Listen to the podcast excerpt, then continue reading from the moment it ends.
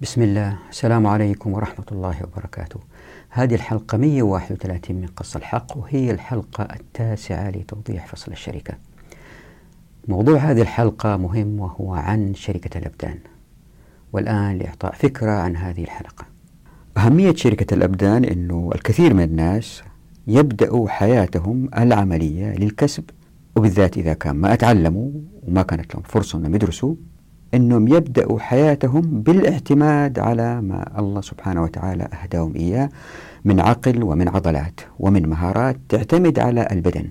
لذلك سميت شركة الأبدان ومن أسمائها شركة الأعمال والصنائع والتقبيل. فالإنسان يعني في أسوأ الاحتمالات إذا ما ورث شيء إذا أهله ما دعموا إذا ما درس في مدارس يمكن يشتغل في أي صنعة ببدنه ويكون في تلك الشغلة مبتدئ وصغير بأجر مالي صغير جدا. وبالتدريج يتعلم وبالتدريج ألين يصبح من الأساتذة في هذا المجال. فشركة الأبدان هي شركة تعتمد على المهارات وليس على المال. يعني ما هي شركة واحد يجيب عشر ألاف دينار والثاني يجيب عشرين ألف دينار ويجتمعوا ويسووا مشروع.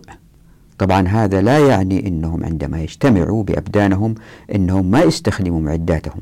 يعني يمكن النجار يستخدم الجهاز اللي يقطع الأخشاب الصياد يمكن يستخدم قاربه شبكاته. أقوال الفقهاء اختلفت باختلاف الظروف اللي تظهر في هذه الشراكة. فهل هم مختلفي الصنعة؟ يعني سباك مع كهربائي مثلا؟ أو متفقي الصنعة؟ يعني صيادين سمك كلهم؟ شركة الأبدان للشافعي كلها فاسدة. وبالنسبة للمذاهب الأخرى هي جائزة. اللي راح أثبته في هذه الحلقة والحلقة القادمة أنه شركة الأبدان برغم أنه مذاهب الفقهاء قد تظهر متضادة لكن هي تكمل بعضها بعضا. وكلا التوجهين الذي يجيز والذي لا يجيز شركة الأبدان سيؤدي إلى رفع الكفاءة الإنتاجية. هنا توضيح بسيط أحيانا وأنا أتحدث مع السرعة أقول مثلا في واحد يسوي مغسلة. المقصود هو ليس واحد. المقصود هو جماعة تشترك مع بعض حتى تسوي هذه المغسلة. ونبهت على هذه الأخطاء اللي قع فيها بوضع نص في الشاشة. فأرجو المعذرة في هذا الخطأ لكن لا أريد إعادة التسجيل بالكامل حتى ما أخسر الكثير من الوقت. عشان نفهم أن الأقوال المختلفة للفقهاء تؤدي إلى زيادة الكفاءة سأشرح في هذه الحلقة تقسيم للشراكات عموما وليس بالذات شركة الأبدان إلى أنماط. هي شراكة الاغتنام وشراكة الهمم وشراكة المقاولة. وهذا التقسيم من حيث المخاطرة والربح. يعني كل ما تزداد المخاطرة هل يزيد الربح أو أنه يطير؟ ما في ربح. فشركات الاغتنام المقصود فيها أنه جماعة تدخل في مشروع لا يدروا بالضبط مكسبهم المستقبلي هل هو كثير أو قليل. شراكة الهمم تعني أن الجماعة اللي داخلة في مشروع يزداد ربحها بهمتها. وشراكة المقاولة مجموعة. يجتمعوا مع بعض ويتموا عمل محدد وعارفين الربح لأنه أخذوه مثلا كمقاولة. ولا بد من مشاهدة هذه الحلقة لفهم هذه الأنماط. يعني مشاهدة هذا المقطع اللي يعطي فكرة عن الحلقة لن يعطي هذا الموضوع حقه من الفهم. هنا مسألة توضيحية مهمة. هذا التقسيم إلى الاغتنام والهمم والمقاولة هو ليس ابتداع لإيجاد أحكام يعني هو ليس ابتداع لتغيير مقصوصة الحقوق. هي طريقة أوجدتها عشان نفهم الخلافات بين الفقهاء. يا ريتكم تلتفتوا لهذه المسألة. أنا ما بجتهد لاستحداث أحكام جديدة. بيضع تقسيم حتى نفهم إلا قالوا الفقهاء اللي برغم أنه يظهر متضاد لكن يؤدي إلى الكفاءة. ففي هذه الحلقة أعرض لأقوال الفقهاء عموما مع أدلتهم اللي ذهبوا لجواز شركة الأبدان واللي قالوا أنه فاسد. في هذه الحلقة نركز على ما ذهب إليه الشافعية اللي قالوا أنه شركة الأبدان فاسدة ونبين كيف أنها تؤدي إلى الكفاءة. وفي الحلقة القادمة إن شاء الله نكمل الموضوع مع باقي الأئمة الذي ذهبوا إلى جواز شركة الأبدان. هنا في توضيح سريع نسيت أبينه في الحلقة. أتحدث أثناء الحلقة أقول أنه في شفافية في السوق. هذه الفكرة أظني مريت عليها سابقا سريعا لكن ما بينتها وسأتي تبينها إن شاء الله في فصل الفصل والوصل وفصل البركة موضوع مهم. المقصود فيه أن الشريعة وضعت حركيات تؤدي إلى فضح الأسعار في السوق. مثل قوله تعالى أعوذ بالله من الشيطان الرجيم وأشهدوا إذا تبايعتم. وهذه في الآية 282 من سورة البقرة. فهذه الحركية التي تطلب من الناس أنهم عندما يبيعوا ويشتروا يكونوا في شهود. حتى إن لم تطبق دائما تؤدي إلى أن الأسعار للسلع تكون مشاعة بين الناس والكل عارفها. وزي ما راح تشوفوا إن شاء الله لأنه هذه الشركات الأبدان وغيرها مبنية أيضا على أن الناس يعرفوا أجورهم وما إلى ذلك. زي ما راح نشوفه إن شاء الله في هذه الحلقة والحلقة القادمة يؤدي إلى انجذاب الناس للأعمال اللي فيها ربح أكثر بعمل أقل لأن الأسعار مفضوحة. مثلا الآن إذا واحد ذهب السوق واشترى معجون أسنان هو بيشتري المعجون وبيمشي وبيدفع قيمة سعر المعجون. الأسعار مفضوحة بين أنواع المعجون المختلفة لكن هذا المعجون اللي أنا اشتريته ما أعرف بالضبط أسعار المكونات اللي فيه. العلبة البلاستيكية كم تكلف بالنسبة للمواد المستخدمة في صناعة المعجون ذاته؟ والمعجون ذاته عند صناعته يحتاج إلى أجهزة وإلى مواد خام. ما هي نسبة تكلفة هذا إلى تكلفة هذا؟ فالأسعار في مجتمعنا الحالي الاحتكاري تحاول الشركات قدر المستطاع أنها تخفيه حتى لا تظهر الشركات الأخرى إلا تفكر في الربح من وراء هذا المنتج. الشركات تحاول دائما إخفاء كمية الربح. طبعا مع دفع الضرائب وما إلى ذلك يصير نوع من الفضح للأسعار لكن هذا ليس في تناول جميع الناس. الشريعة تحاول أن تجعل جميع الأسعار مفضوحة حتى ينجذب الناس لما هو أكثر ربح بعمل أقل. وبكذا تزداد الكفاءة. توضيح أخير نسيت أقوله في الحلقة. أتحدث في آخر الحلقة عن أنه ستظهر شراكات مثلا لتنظيف أو جمع الفضلات من الشوارع. ليس المقصود هنا أنه هؤلاء الناس اللي هم أقل كفاءة في الأداء ولا هم أقل ذكاء. سيتجمعوا في مهنة معينة ويكونوا الأقل مكانة في المجتمع اجتماعيا. لا ليس هذا الهدف. وبينت أنه هؤلاء لأنه في ندرة في الأيدي العاملة ستكون أجورهم عالية جدا مقارنة بالوضع الحالي. وبالتدريج يتغير المجتمع وينظر لهؤلاء أنهم بيأدوا عمل مهم للمجتمع متقبلين هذا العمل وبالتالي هم عمال نظافة ويزداد تقدير المجتمع لهم. نسيت أبين هذه المسألة أنه مع تطبيق الشريعة جميع الأعمال ستكون في مكانة يقدرها جميع أفراد المجتمع. فمهما كان عمل الإنسان فهو دائما فرد عزيز حتى إذا كان أشتغل في أعمال مثل تنظيف الشوارع. مع تطبيق الشريعة هذا لن يقع. والآن إلى التوضيح. يمكن أهم نمط من شركات العقود بالنسبة للمبتدئين هي شركات الأبدان. هذا بالنسبة للتمكين ليه؟ لأنه الإنسان ما يحتاج رأس مال. كل اللي يحتاجه مهاراته ذكاؤه عضلاته الهبات اللي الله سبحانه وتعالى أعطاه إياها بيستخدمها حتى يبدأ مع واحد آخر نوع من العمل الإنتاجي. فما يحتاج رأس مال أبدا. فمعنى شركة الأبدان كما وضحها ابن قدامة هو أن يشترك اثنان أو أكثر فيما يكتسبونه بأيديهم كالصناع يشتركون على أن يعملوا في صناعتهم. فما رزق الله تعالى فهو بينهم. وإن اشتركوا فيما يكسبون من مباح كالحطب والحشيش والثمار المأخوذة من الجبال والمعادن. طبعا في أقوال أخرى تخالف هذا الشيء لأنه الشراكة في المباح يعني جماعة يروحوا يقطعوا الأخشاب الموجودة بعض الأقوال كما سترون لها وجهة نظر أخرى أو حتى يمكن يشتركوا اثنين أو أكثر في استثمار مهاراتهم. وقد تكون هذه المهارات متكافئة مثلا اثنين آه، متخصصين في الحاسب الآلي يسووا تطبيق مع بعض يشتغلوا مع بعض فهذه شراكة. أو يمكن يختلفوا في مهارات ومثلا طبيب مع صيدلي أو طبيب مع ممرض يفتحوا لهم عيادة مثلا. أو نجار مع حداد يسووا مكان أثاث أو مكان تركيب أبواب. وقد أجاز الإمام أحمد رحمه الله هذه الشراكة إن لم يكن للشركاء مال أي أنهم يشتركون بالعمل بأبدانهم مثل الصيادين الذين يقتسمون ما رزقهم الله من البحر. وقال الإمام مالك أنها تجوز إذا كان الشركاء متفقي الصنعة ويعملون في مكان واحد ولا تجوز إذا كانوا مختلفي الصنعة. أما أبو حنيفة فقد أجازها في الصناعة سواء اختلفت أو اتفقت ولم يجزها في اكتساب المباح. أي في الأعيان المستفادة بالعمل كالاصطياد والاحتطاب وذلك لأن الشراكة تقتضي الوكالة. ولا تصح الوكالة في هذه الأشياء بل من أخذ المباح ملكه. أما بالنسبة للشافعي رحمه الله فإن شركة الأبدان كلها فاسدة لأنها شركة على غير مال ولهذا النمط من الشركة أسماء منها شركة الأعمال والصنائع والتقبيل. هذا اللي ذكرته هو ما ذهب إليه الفقهاء الكبار الله يرحمهم الأئمة الأربعة. ورح نثبت الآن أنه اللي ذهبوا إليه هو ليس متضارب أو مضاد لا هي تكمل بعضها بعض. لكن خليني أذكركم بسرعة أنه تحدثنا في الحلقات الأولى عن الموارد والموافقات والمعرفة وياريتكم ترجعوا لها.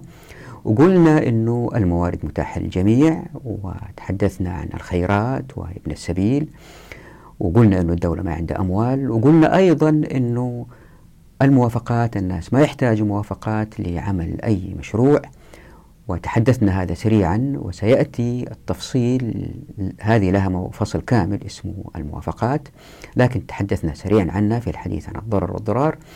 وفي مقالة كتبتها في فصل اسمه المعرفة سيأتي جزء من هذا الفصل كتبته في مقالة اسمها براءة الإسلام براءة الاختراع تجدوا الرابط في أسفل الشاشة. فالناس المعرفة مباحة مشاعة الموافقات ما يحتاجوها من السلطات لأن السلطات ما تقدر تدخل في هذه المسائل. وطبعا في مسائل الضرر هذه تحدثنا عنها. يعني إذا واحد سوى مشروع يمكن يضر الآخرين وكيف الآخرين يقدروا يوقفوه هذه مسائل تحدثنا عنها الآن ما هو وقتها. والموارد متاحة للجميع. الآن في ظل هذه الظروف المفعمة بإطلاق الناس إيش المتوقع؟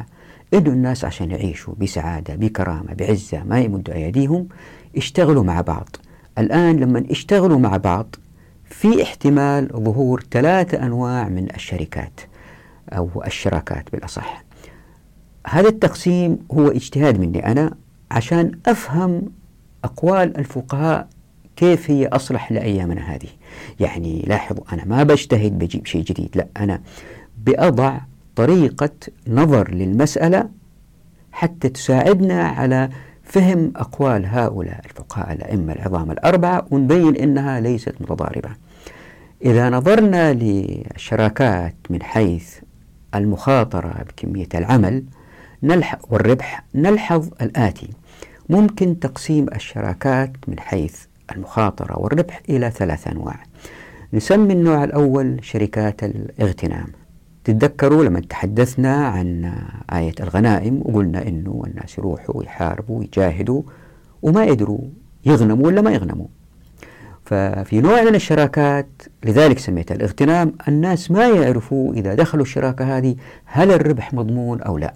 مثلا يجوا جماعة عندهم شوية معدات ويروحوا يقولوا نبحث في الأرض في مكان بعيد على معدن نادر. قد نجده وقد ما نجده فإن وجدوه ولأنهم سبقوا الآخرين واستقروا هناك يمكن يربحوا أموال طائلة بعمل قليل لأنهم وجدوا شيء سبقوا فيه الآخرين. مثال آخر يمكن في مدينة مستقرة آه تعيش على أنواع معينة من الحلوى يجي واحد بحلوى جديدة غريبة ويتجرأ ويسوي معمل لهذه الحلوى وبعدين ما يدري تناسب الناس أو لا. يمكن يجرب مع الناس في الأول والناس يحمسوه يقولوا هي لذيذة هي كذا بس لما يعملها على نطاق واسع تفشل تماما ويخسر خسر كبيرة. فهؤلاء الشركاء اللي سووا هذا المصنع أو سووا هذا المخبز لهذه الحلوى خسروا خسارة كبيرة. ليه؟ لأنه بيخاطروا بشيء ما حد عارف عنه. مثال ثالث يمكن آه يقوم بعمل عدة أبحاث لإيجاد دواء معين وهؤلاء الشركاء يضعوا الكثير من المال لإيجاد هذه الأبحاث بالتضافر مع علماء آخرين في مناطق أخرى لإيجاد دواء لعلاج معين ويفشلوا. ويمكن يكسبوا مكسب كبير زي اللي سووه هؤلاء اللي أوجدوا لقاح لكورونا مثلا. فالطريق ملغم بالمخاطر. أما ربح كبير أو خسارة كبيرة. لذلك سميتها شراكة أو شركة الاغتنام. النوع الثاني اللي هو مضمون وسميته بشركة الهمم ألا وهي أنه تعتمد على همة الناس في الأداء. كل ما زادت همتهم كل ما زاد ربحهم. مثال جيد على كذا يمكن تكون في قرية فيها عشرة مخابز والتعداد السكاني فيها نوعا ما ثابت لأنه في ناس بيهاجروا منها في ناس بيتوفوا فهي ثابتة في التعداد السكاني وما بتستقطب أي دعم لمناطق أخرى ويحتاجوا عشرة مخابز. واحد طنت في رأسه يسوي مخبز هو مع واحد آخر. الآن لابد أنه ينافسوا المخابز الموجودة هذه بسحب بعض الزبائن اللي هم في وضع جيد يعني مرتاحين مع المخابز تلك. لازم يضيفوا شيء جديد حتى يسحبوا الزبائن لمخابزهم. أو أنهم يبيعوا الخبز بسعر أقل. هنا المسألة تعتمد يعني نجاح هذه الشراكة تعتمد تماما على همة هؤلاء اللي هم عارفين الخبز ينباع وعارفين تكلفة الخبز كم وعارفين سعر الدقيق كم وعارفين كل شيء. فقط يحسبوها والمجال للربح يعتمد على همتهم. ومعظم الشركات الخدمية في أيامنا هذه تعتمد على هذا النوع الناس يخافوا المخاطرة فأكثرهم يتجهوا لهذا النوع من الشراكات. النوع الثالث هو شراكات المقاولة. سميت المقاولة ليش؟ لأنه مجموعة مهرة أو مجموعة أفراد اجتمعوا لأنه ظهرت فرصة معينة يقطفوها وبعد كده الشركة يمكن تنتهي. مثلا يمكن تأتي جهة تريد بناء آه يعني آه مسجد كأوقاف أو تريد بناء مدرسة. فيأتوا هؤلاء الصناع الحرفيين هذا سباك هذا نجار هذا مليس هذا بناء. اجتمعوا مع بعض. هذا مورد حديد هذا مورد خشب. اجتمعوا مع بعض ويبنوا هذه المدرسة. فهذه الشراكة هي تعتمد على أداء مهمة لحظية ألا وهي بناء هذه المدرسة. بعد كده الشركة هذه يمكن تنتهي ويمكن إذا كانت تعرفوا على بعض واشتغلوا مع بعض أحسن يستمروا يروحوا لموقع آخر وآخر. لذلك سميتها شركة المقاولة. هي ليست مقاولة بس في البناء هي يمكن مقاولة في أشياء كثيرة. تعتمد على مهارات الأفراد وخبراتهم. وبالتأكيد يمكن بعضكم يفكر في أنواع من الشراكات اللي يمكن تأخذ نوعين أو ثلاثة من هذا التقسيم. يعني هذا التقسيم اللي وضعته أنا هو حتى نفهم المسألة وليس هو خط فاصل أنه هذا النوع من الشراكة هو اغتنام وليس مقاولة. مثلا يمكن يأتوا سباك وكهربائي ونجار ويأخذوا مقاولة مدرسة ويتجرؤوا ويشتغلوا بهمة ونشاط وهذه بالتأكيد هي شراكة مقاولة. لكن اللي اتضح بعدين إنها شراكة اغتنام. ليه؟ لأنه في مقاولين آخرين في نفس المنطقة ومحتكرين الأسعار ومتفقين فيما بينهم على سعر معين على بناء المتر المربع وهذول كلفتهم أقل فكسبوا مكسب كبير لأنه في احتكار. فاكتشفوا بعدين أن هذه شركة اغتنام واستمروا فيها تنقل بعدين إذا دخلوا بنفس مستوى الربح إلى شراكة مقاولة. فالمسألة ما هي خط فاصل واضح بين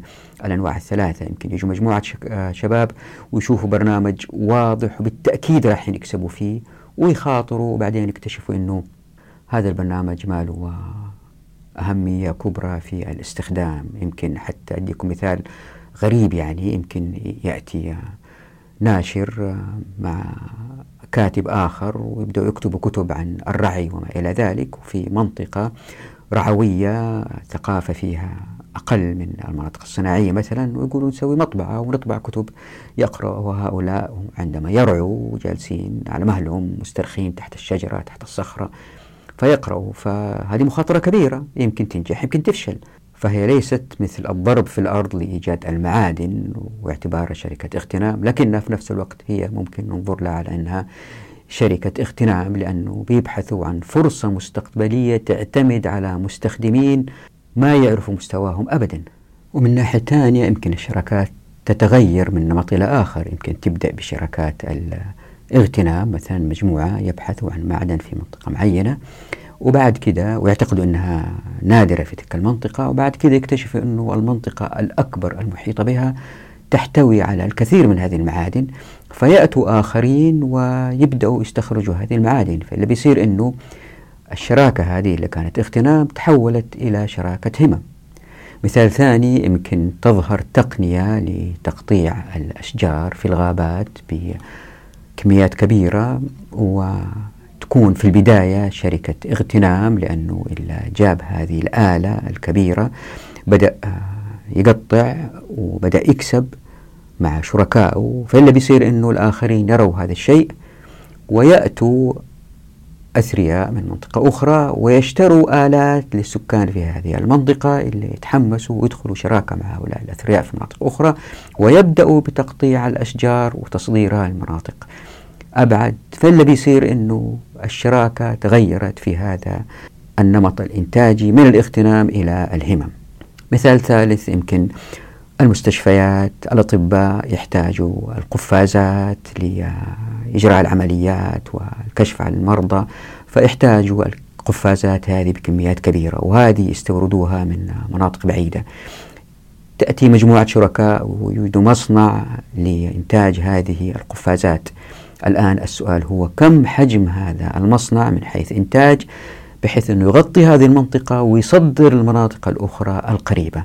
فهذه شركة اغتنام يمكن أيضا تتحول إلى شركة همم لأنه آه، الربح مضمون وواضح ويعتمد على همة المصنع في كثرة الإنتاج حتى يغطي المطلوب منه في هذه المنطقة. إذا فكرنا في مثل هذه الأمثلة نلحظ أن التدرج من حيث المخاطرة هو كالآتي الأعمال أو الشراكات اللي فيها مخاطرة أقل هي التي تعتمد على الموارد الطبيعية الموجودة في نفس المنطقة. مثل الاحتطاب مثل مثلا عمل مزرعة للأبقار وبالتالي الحليب وبالتالي تصنيع الأجبان ومشتقات الحليب مثلا. ويمكن تقطيع الأشجار وعمل مصانع للأثاث وما إلى ذلك أوراق مطابع كلها تعتمد على المادة الأساسية اللي هي الأخشاب مثلا. يمكن مزارع قطن تعتمد على الأرض التي تؤدي إلى أفضل أنواع القطن وبالتالي تظهر أفضل أنواع المصانع لإنتاج الملابس القطنية. فتكون المخاطرة أقل في الشراكات التي تعتمد على الموارد الموجودة في المنطقة. تليها في المخاطرة الشراكات التي تعتمد على الضروريات إلا المجتمع استوردها من مناطق أخرى مثل قفازات الأطباء إلا المستشفيات فيها منطقة معينة بيستوردوها جبرا من مناطق أخرى لأنها ضرورية جدا في العمليات. تليها في المخاطرة في المرتبة الثالثة هي واللي هي أكثر مخاطرة الشراكات التي تعتمد على منتج مستقبلي ما يعرف الشركاء هل سيستهلك بكثرة أو لا. وهذا ينطبق أيضا على الخدمات فشتان مثلا بين واحد بيسوي مركز لغسيل الملابس وآخر بيسوي مركز لغسيل السيارات. هذا التقسيم إلى همم ومقاولة واغتنام مقارنة بالأرباح والمخاطر.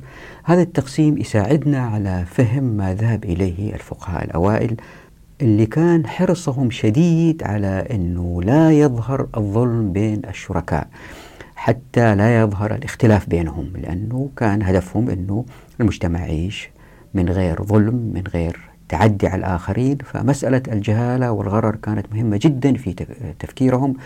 فركزوا على هذه المسألة واللي صار بالتالي اختلفوا لاختلاف وجهات نظرهم واللي راح نرى أنها تكمل بالبعض الهدف من إثارة هذه القضية الآن هو الآتي أنه حرصهم رضي الله عنهم يؤدي إلى زيادة الكفاءة في العمل ليه؟ لأنه كل ما زاد الحرص على تحديد الربح أو الأجر مقارنة بكفاءة الإنسان أو مهارته كل ما كان الطريق الوحيد للربح هو عدم التواكل إلا على النفس. يعني واحد ما يقدر يقول والله يمكن أشتغل أقل وأكسب أكثر لأنه الثاني شغال أكثر. لا كل ما زاد تمحيص الفقهاء في هذه المسألة أكثر بالتركيز عليها أنه لا يظهر الخلاف بينهم كل ما زادت الكفاءة. ليه؟ لأنه ما في طريق للربح إلا من خلال الاعتماد على النفس في العمل. طيب هنا يظهر سؤال يعني. يمكن يجوا جماعة يبغوا يشتغلوا ويختلفوا. ليه؟ لأنه يمكن يجي واحد متخصص في الحاسب الآلي يقول لهم والله هم بيسووا تطبيق أنه أنا أقدر أختصر لكم الخطوات اللي تأخذ منكم يومين ثلاثة لأنه عندي خبرة أعلى في دقائق. فأنا أشطر إذا أنا أخذ أكثر.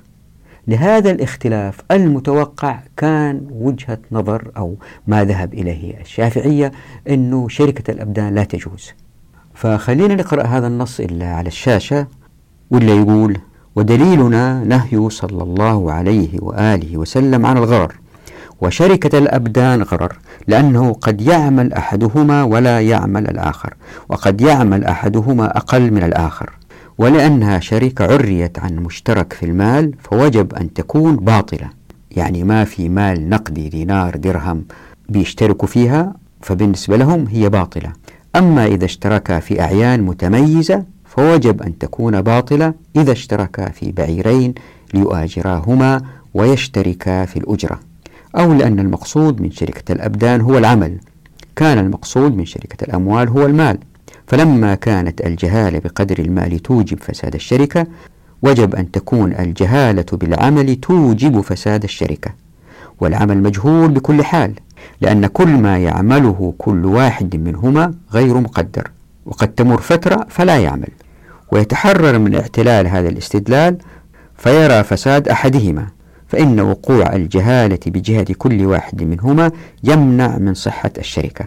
كما لو خلط مالين لا يعرفان قدر ما لكل منهما هو أنها مفاوضة لو كانت في الأموال بطلت بالجهالة فوجب إن كانت في الأعمال أن تبطل بالجهالة. هذا الاقتباس من المذهب الشافعي يبين أنه المذهب الشافعي يرفض شركة الأبدان. ليه؟ لأنه في إشكالية أنه ما يعرفوا الأفراد قديش يشتغلوا. حتى لو كان عرفوا الأفراد كيف يشتغلوا كم ساعة يشتغلوا تظهر إشكالية أخرى هي بالنسبة للمذهب الشافعي أنه ساعات العمل مقارنة بالمهارات وتثمينها هي إشكالية. يعني واحد مهاراته أعلى وسعر ساعة عمله في السوق أعلى من شخص آخر وجوا أشتغلوا مع بعض كيف يمكن ضبطها؟ هذه إشكالية. وطبعا هذه الإشكالية تكون بوضع نادر إذا كانوا الشركاء آه، مهامهم غير محددة غير مكتوبة وهم ملاك للشركة. لكن المنتشر الآن اللي أدي إلى عدم الكفاءة هو أنه برغم وضوح المسؤوليات لأنه الناس اللي اشتغلوا في الشركة ما هم ملاك كما في الوضع الحالي وضع تسخيري إلا بيصير أنه الأفراد بيهملوا أحيانا في أداء واجبهم. فرح نوضح إن شاء الله بعد المرور على باقي المذاهب كيف أنه وجهة النظر هذه أو ما ذهب إليه الشافعية يؤدي إلى مسألة أخرى راح أشرحها بعدين بعد المرور على باقي المذاهب أنه إلى التثمين بدقة أدق مهارات كل واحد وكم أجروا إن كان أشتغلوا مع بعض شركاء. خلينا نمر الآن على باقي المذاهب والتي تؤدي أيضا لرفع الكفاءة. كيف؟ نبدأ بالحديث هذا. لقد روى أبو داود والنسائي بسنادهما عن أبي عبيدة عن عبد الله قال أشتركنا أنا وسعد وعمار يوم بدر فلم أجيء أنا وعمار بشيء وجاء سعد بأسيرين. ويضيف ابن قدامة ومثل هذا لا يخفى على رسول الله صلى الله عليه وسلم وقد أقرهم عليه.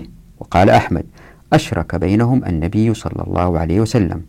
مقولة الإمام أحمد هذه مهمة جدا ففي إشراك النبي صلى الله عليه وسلم بينهم في الغنيمة إشارة للمجتمع المسلم على جواز أو حتى استحباب الشركة فيما يمكن غنيمته لتتضافر الجهود للتغلب على مصاعب المخاطرة. أتذكر إلا قلنا سابقا عن عهد الرسول صلى الله عليه وسلم والأحداث التي بها أنها مقدرة حتى تكون نموذجا لنا لحياتنا الآن. تذكروا هذا الذي قلناه؟ لذلك أجاز الحنابلة والمالكية شركة الأبدان بالرجوع لحديث أبي عبيدة وأجاز الحنفية إن لم تكن في المباحات كصيد الأسماك لكن الشافعية لم يجيزوها لأنها ليست شركة على مال بل على عمل. وهذا العمل قد يزيد وينقص بين الأفراد مما قد يؤدي لظلم أحدهم كما يقولون.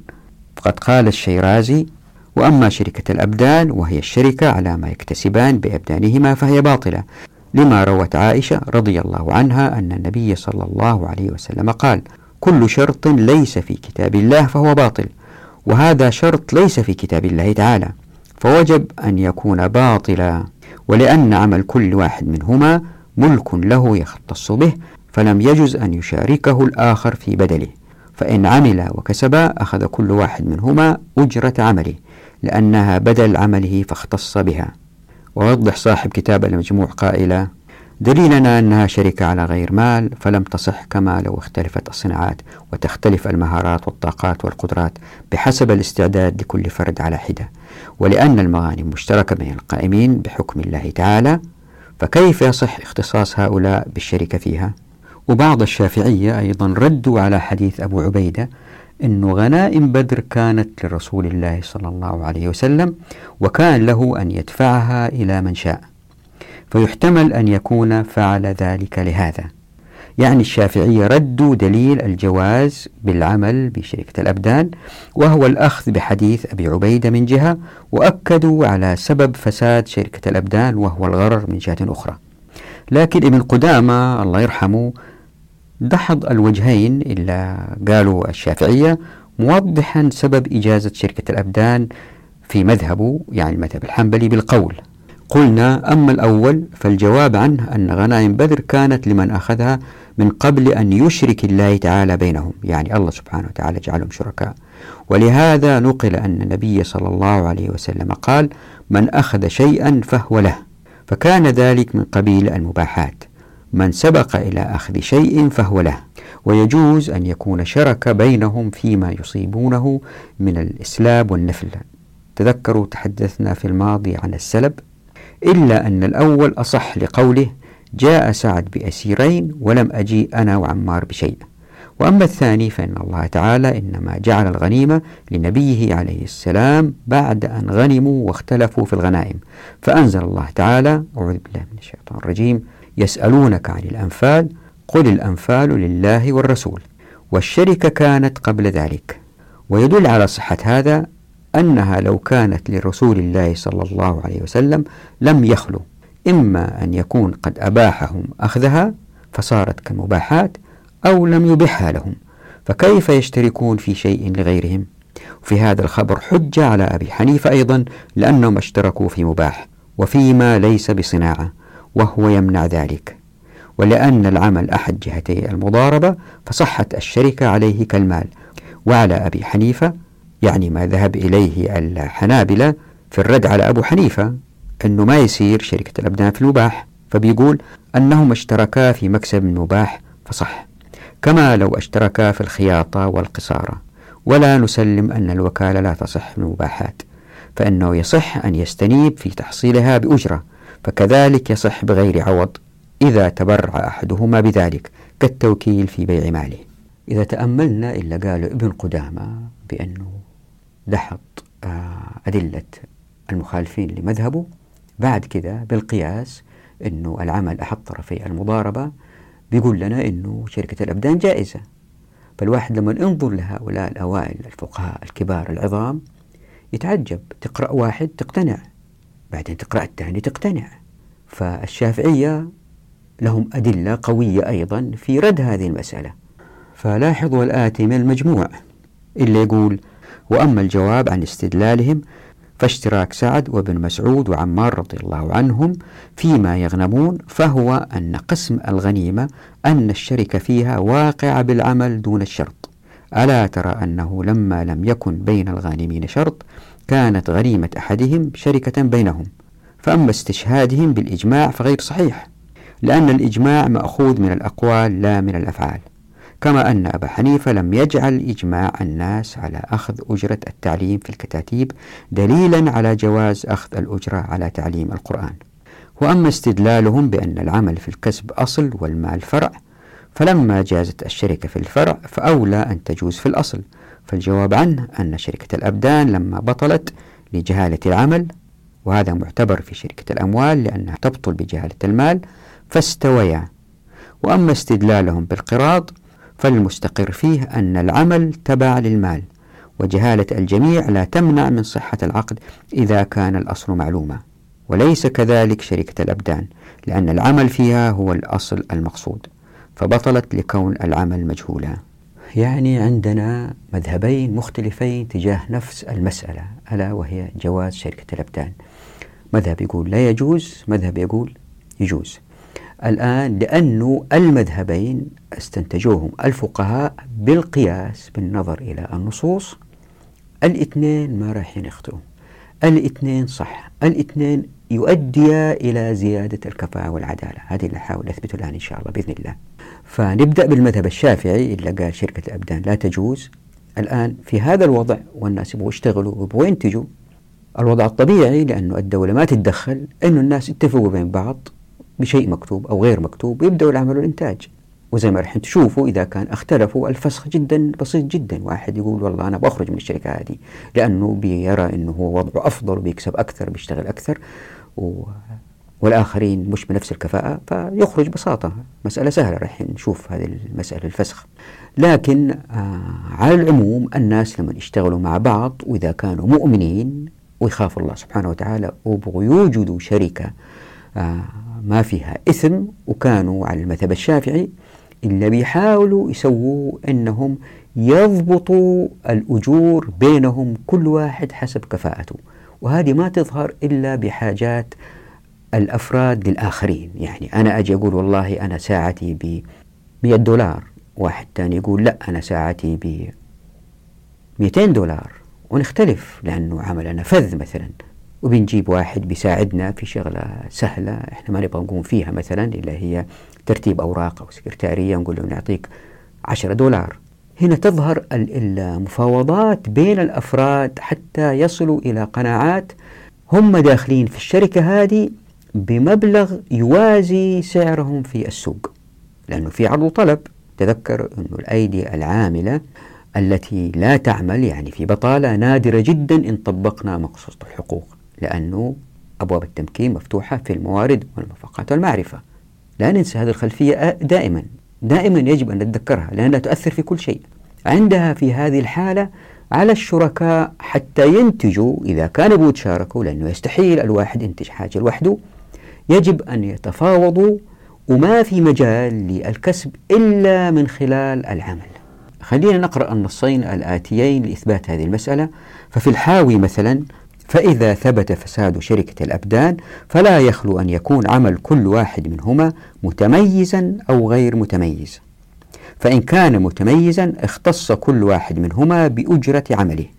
وإن كان العمل غير متميز كان ما حصل لهما من الكسب مقسوما بينهما على قدر أجور أمثالهما. فيصرف إلى كل واحد منهما من الكسب بقسطه من أجرة مثله.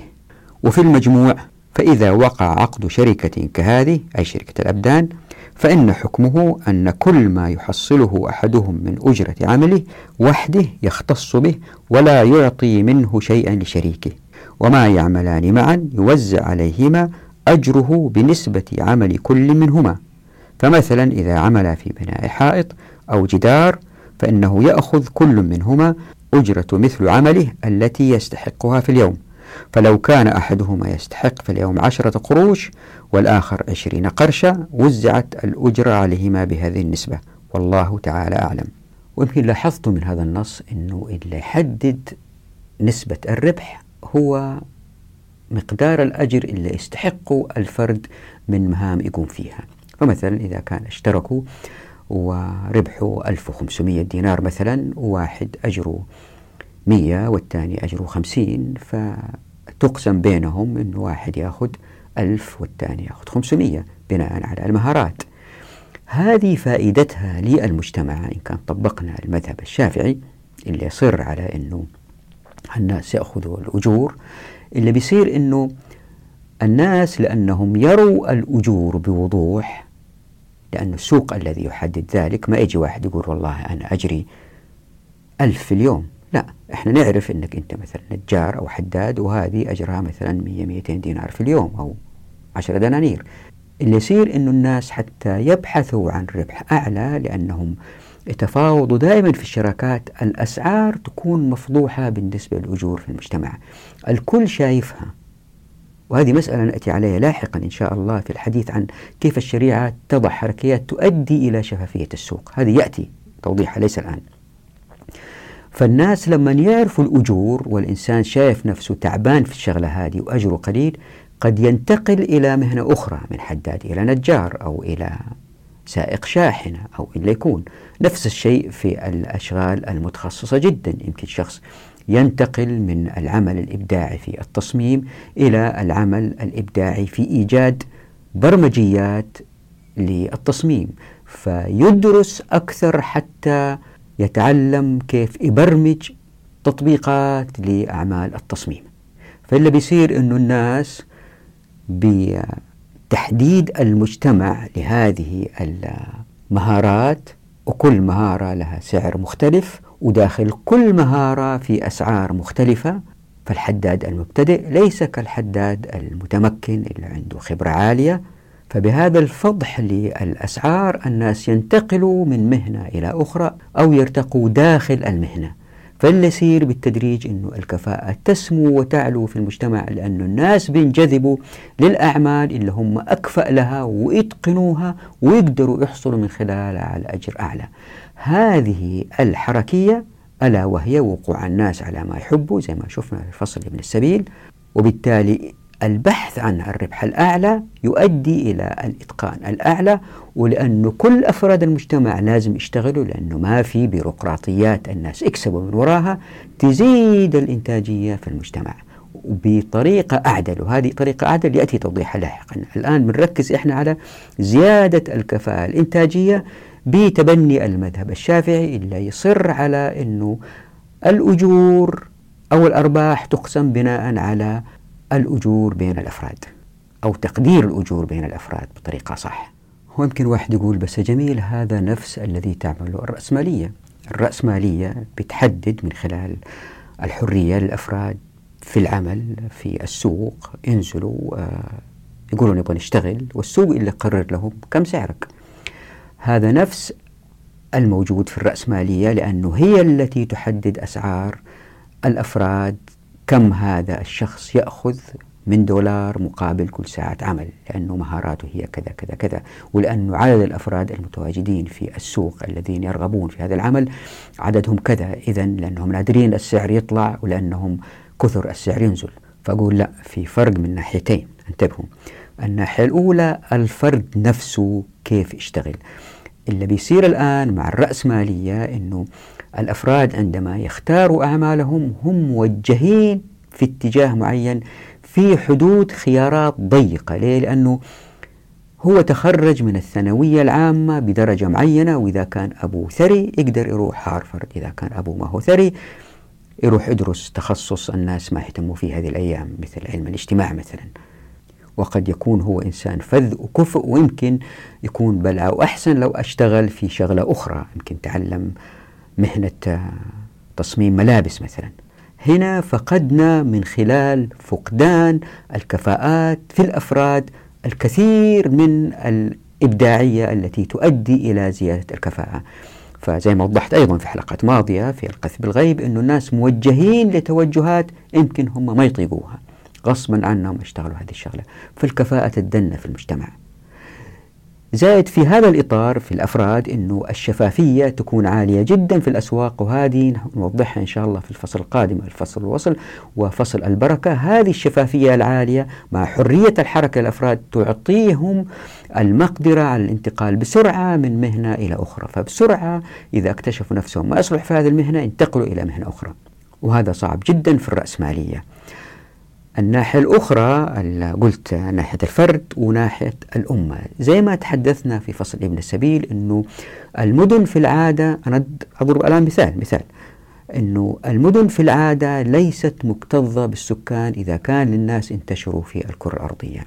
الآن مع هذا الوضع اللي بيصير أنه ولأنه الناس لهم أنهم يجتمعوا مع بعض كشراكة ولهم أنهم يبنوا مطار مثلا من غير موافقة الدولة اللي طالما أنهم أضروا بالآخرين وتحدث عن حيازة الضرر في مسارات الطائرات. إلا بيصير أنه المطارات يمكن تكثر في المدن حتى الناس ينتقلوا بطريقة أريح بالطائرات وليس بالضرورة بالباصات اللي تأخذ وقت أطول. ليه؟ لأنه مع تطبيق الشريعة الناس ومع أموال ابن السبيل في الزكاة الناس يقدروا يسافروا بكثرة. فاللي بيصير أنه تكثر المطارات. الآن المطارات لما تكثر في المدن وليس مطار واحد زي ما هو سير الآن مطار كبير. بدال هذا المطار الكبير تكون في أربع خمسة مطارات في نفس المدينة. وهذه وضحتها أيضا يمكن واحد يقول لي كيف إذا الواحد بيسوي ترانزيت من مدينة إلى أخرى فلازم يروح المطار. المطار هاي تحدثنا عنها ووضحنا أنه الأفضل تكثر المطارات في نفس المدينة لأنه معظم المسافرين بيسافروا في اتجاه واحد وليس يعني يوقفوا في من نقطة إلى نقطة وليس من نقطة إلى نقطة إلى نقطة. فاللي بيصير أنه مواقف السيارات في هذه المطارات ما تكون فيها إشكالية كبيرة لأن المدن ليست مزدحمة ولأن المطارات كثيرة فبالتالي لن تظهر صناعة إيجاد مواقف بأحجام كبيرة وإيجاد تقنيات للكشف عن المواقف الفارغة باللمبات الخضر والحمر هذه اللي تشوفوها الآن في مواقف المطارات أو أي مطارات أو أي مواقف أخرى. فتتجه المهارات من العمل في المواقف الكبيرة إلى المهارات في العمل في اللي يوجهوا الطائرات في الأجواء. يعني نسبة اللي يشتغلوا في توجيه الطائرات Air Traffic Controllers راح تكون في المجتمع هذا نوعيا أعلى في العدد يعني كميا أعلى في العدد من اللي يشتغلوا في مواقف السيارات. وبالتالي بكثرة هؤلاء يرتقي المجتمع في انتقاله من مكان لآخر وانتقال أفراد ومهاراتهم والمعرفة من مكان لآخر جميع الأمة ترتقي بارتقاء انتقال هؤلاء الأفراد. وهذا مثال واحد كيف أنه الشفافية زائد حرية الانتقال للأفراد من مهنة إلى أخرى في منظومة أكبر ألا وهي الأمة تؤدي لكفاءة. أعلى إن طبقنا الشريعة وليس بطريقة موجهة كما هي في الرأسمالية التي توجه الأفراد وتوجه المدن من باب الاحتكار إلى صناعات معينة إلى توجهات معينة. يعني النظام الرأسمالي زي ما وضحت سابقا ولازم تشوف الحلقة السابقة يدعي الحرية لكن هو من باب الاحتكار مكبل لأيدي الأفراد في المجتمعات. وهذا يؤدي النظام الرأسمالي إلى تقليل الكفاءة في الإنتاج لأنه في هدر كبير وفي بيروقراطيات وليس كما إن طبقنا الشريعة. وبكده إذا كان طبقنا المذهب الشافعي في شركة الأبدان اللي بيصير أنه الأفراد المشتركين في الشراكة هذه بيحصلوا على أرباحهم بنسب تكافئ مهاراتهم وأدائهم وندرتهم ثلاث أشياء. مهارة أداء ندرة فتزداد الإنتاجية كفاءة بالذات في شركات أو نمط الهمم والمقاولة. طيب يمكن واحد يقول بس هذه زي ما قلت في السابق هذا يشبه النظام الرأسمالي. أعيد وأكرر أنه لأنه أبواب التمكين مفتوحة في الموارد والموافقات والمعرفة. كل إنسان هو سيد سواء كان أجير أو مستأجر لآخرين.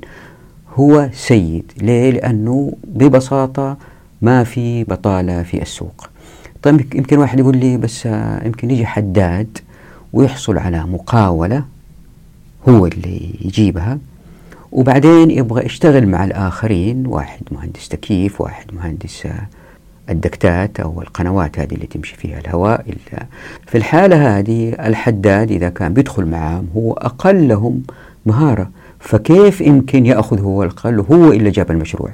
الجواب هو كالآتي أن هناك في فرق بين أنه هذا الحداد هو ضامن المشروع وبكده يأخذ المشروع وبعدين يقول أنا هذه هي نسبة ربحي والباقي يقسمه حسب آه مهارات الآخرين يقول لهذا أنت تأخذ كذا أنت كذا أنت كذا.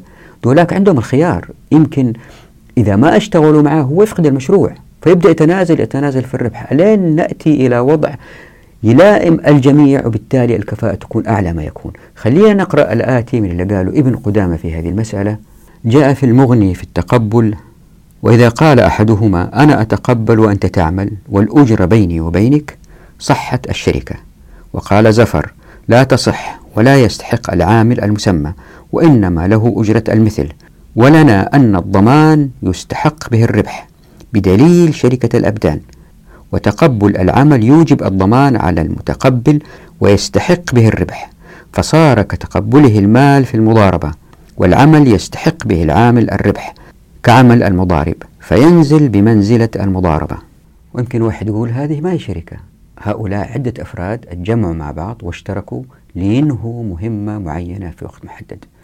الجواب هو أنه هذه المهمة المحددة هي بداية ظهور الشراكات ليه؟ لأنه الناس لما بيشتغلوا مع بعض وبيحتكوا مع بعض ويعرفوا أجور بعض ويروا الفرص المستقبلية لأعمال مشابهة باللي خلصوه يبدأوا يدخلوا في هذه الأعمال مع بعض إذا كان حبوا بعض اتفقوا مع بعض مشوا مع بعض فترة بدأوا يكتشفوا أنهم والله ما هم منسجمين تماما أو واحد فيهم ما هو منسجم مع الآخرين يمكن هو أكفأ منهم ولا هو أقل همة منهم يفصلوا. اللي بيصير أنه في فسخ. ناس يخرجوا ناس يدخلوا. بالزمن وبالتدريج مع هذه الحركية هي دخول وخروج لهذه النواة الموجودة اللي هي كشركة اللي هم بيتقاضوا الأجور بينهم بنسبة آه، أو الأرباح بينهم بيتقاسموها بنسبة أجورهم.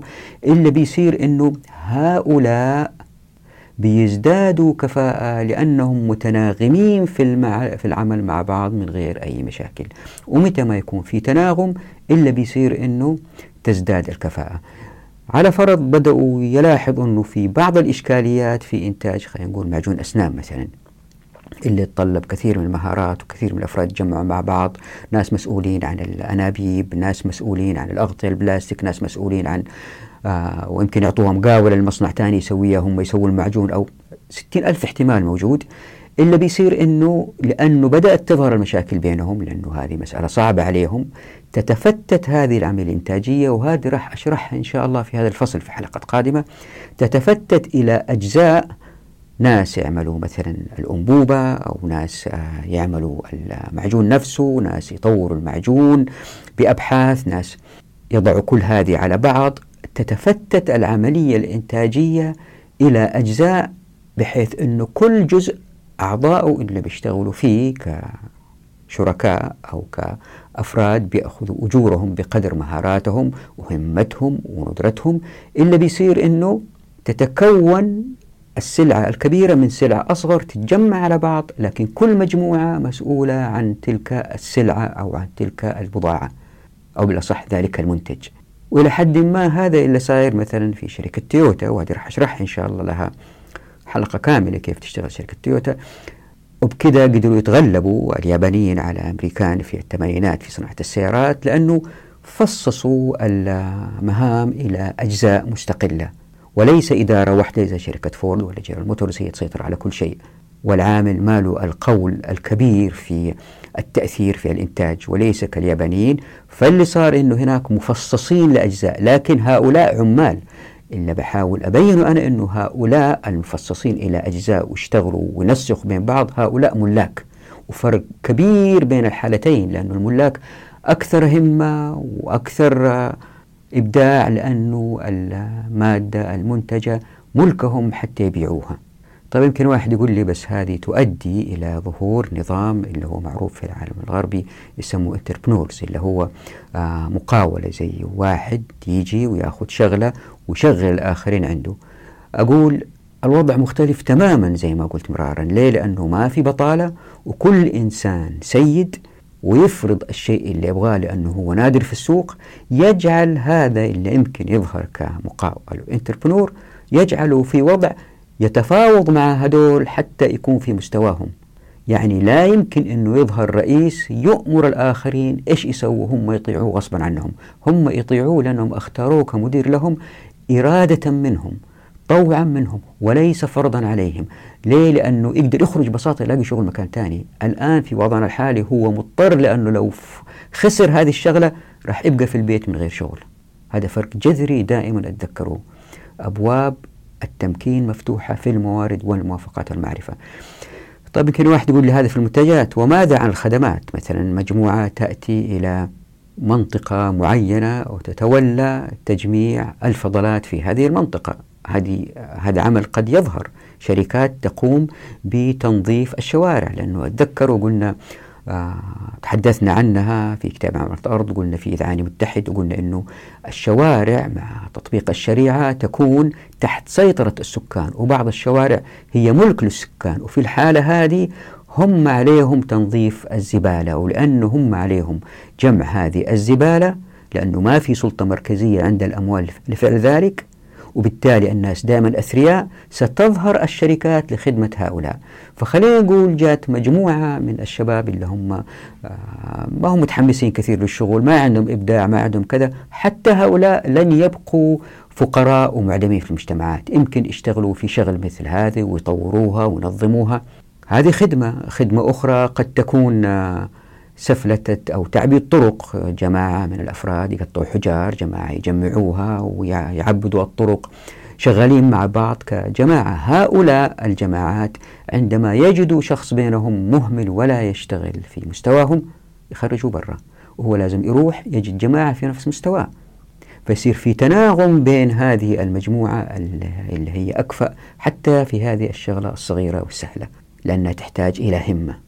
فبالتدريج مهما فكرتوا في هذه المسألة تجدوا أنها كل هذه الأفكار والأمثلة تتجمع عند زيادة الكفاءة ليه؟ لأنه العملية الإنتاجية مفتتة لأجزاء لأناس أفراد متفاهمين فيما بينهم وما في مشاكل وضغينة يعني اللي بحاول أوصل له أنه في كلا الحالتين سواء كان المنتج النهائي سلعة أو كانت خدمة في كلتا الحالتين اللي بيصير أنه لأنه الأفراد دائما بينتقلوا من مكان لآخر لأنه في دائم تفاوض في الأجور وما إلى ذلك.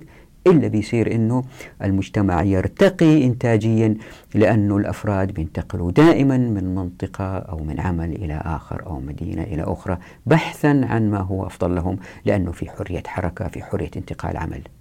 ولا تنسوا دائما وأفكركم في هذه كل ما انتقل الأفراد من مقر عمل إلى آخر انتقلت مع المعرفة وبالتالي تزداد المعرفة صقل في المنطقة اللي ذهب إليها.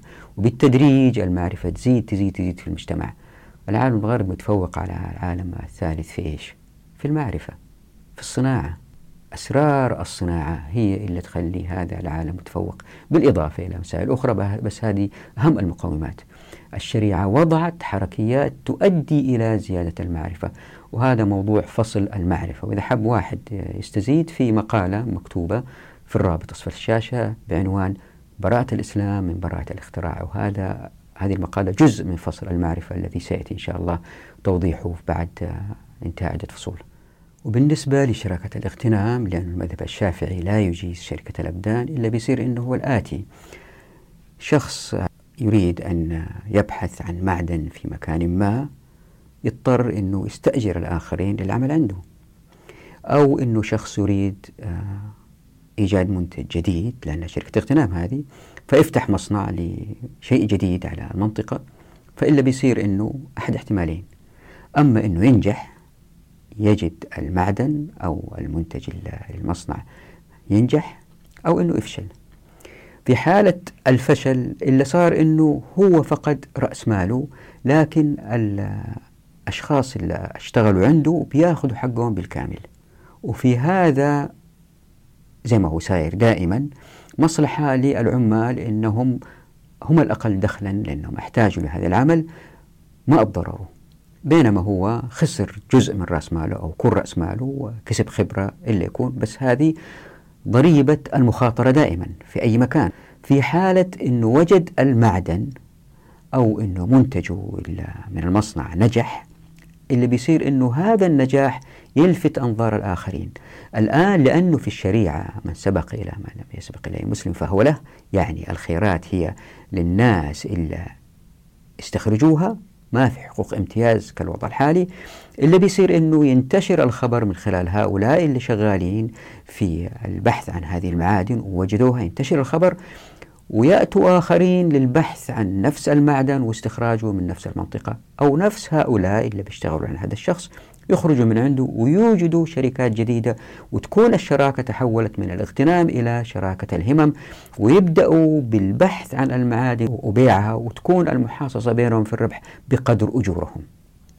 نفس الشيء في المصنع عندما آه، ينتج هذا المصنع بكميات كبيرة ويشتغل بطريقة جيدة لأنه في مواد ملائمة في هذه المنطقة يعني كمواد خام لهذا المصنع وفي تسويق جيد لهذا المنتج اللي بيصير أنه يمكن مصانع أخرى تفتح من خلال هؤلاء اللي شغالين في هذا المصنع يمكن يخرجوا يمكن. فإلا بيصير أنه تزداد المنافسة بين هؤلاء الأفراد اللي بيوجدوا المصانع الجديدة وبالتالي الأسعار بتنزل والنوعية بتعلى. طبعا يمكن واحد يسأل يقول والله طيب واحد تعب وسوى مصنع وعنده عمال وفجأة يسيبوا العمال هذه خسارة كبيرة. هذه يأتي توضيح إن شاء الله في الحديث لاحقا. الآن إحنا في موضوع شركة الأبدان في المذهب الشافعي. يعني باختصار اللي بيصير من كل هذا أنه الناس اللي هم في نفس الأذواق في نفس الهمم في نفس المهارات بيتجمعوا مع بعض بالتدريج ويكونوا جماعات منتجة. وهذه تؤدي إلى أعلى كفاءة ممكنة. وإذا في شخص أقل همة أقل مهارة أقل ندرة فاللي بيصير أنه يخرج من هذه الجماعة إذا رأت أنه غير مناسب لهم ويكون مع آخرين مثلا في نفس مستوى جماعات أخرى ويمكن يحاولوا ينافسوا هذه الجماعة اللي هي آه، ذات همة أعلى أو خبرات أعلى. وإذا ما يقدروا ينتقلوا لشغلة أخرى تحتاج مهارات أقل تحتاج ذكاء أقل. المهم يوضعوا في المكان المناسب في خريطة العمل الإنتاجي وحتى مهما كانوا أقل كفاءة أو أقل خبرة سيجدوا عمل يحتاج المجتمع ولأنه الناس متقاربين في الدخل ولأنه في ندرة في الأيدي العاملة مهما العمل الذي يقوم به كان مثل مثلا تنظيف الشوارع إلا بيصير أنه دخلهم يكون مرتفع لأنه الناس يحتاجوا الآخرين الذين يقومون بتنظيف هذه الشوارع. لا تنسوا لا تنسوا أنه لأن الناس هم اللي ادفعوا المبالغ لتنظيف هذه الشوارع سلوكياتهم راح تتغير ولن يلقوا الزبالة في الشوارع وتبقى الشوارع دائما نظيفة. يعني العملية في الشريعة متكاملة كلها مع بعض متكاملة. يجب أن ننظر لها كلها مع بعض. من شركة الأبدان إلى مسؤولية الشوارع لأنها متأثرة بالنمط التملكي في الشريعة مين يملك ماذا من ما لا يملك ماذا ومرتبطة بالحقوق في التعلي متى يحق الإنسان أن يعلي مبناه أو يبني صباط فوق الشارع أو كل هذه مع بعض مشتركة تتناغم مع بعض في منظومة كاملة اسمها مقصوصة الحقوق. وضحت في أول الحلقة أنه في مذهبين تجاه شركة الأبدان مذهب الشافعي الذي لم يجز شركة الأبدان وحولها إلى تفصيصها بالأجور. باقي المذهب الآخر اللي هو مذهب أكثر الفقهاء الذي يجيز شركة الأبدان ولأنه شركة الأبدان موضوع مهم لأنه الناس يبدأوا تقريبا من الصفر فيها بعضلاتهم بعقولهم بالتمتع بالخيرات اللي وضعها سبحانه وتعالى على الأرض. وكيف ينطلقوا بهذه الموارد فلا بد أن نقف هنا حتى نعطي ما ذهب إليه الفقهاء الذين أجازوا شركة الأبدان. نقف هنا حتى نعطيها حلقة ثانية لأنها مهمة. نراكم على خير في أمان الله ودعواتكم.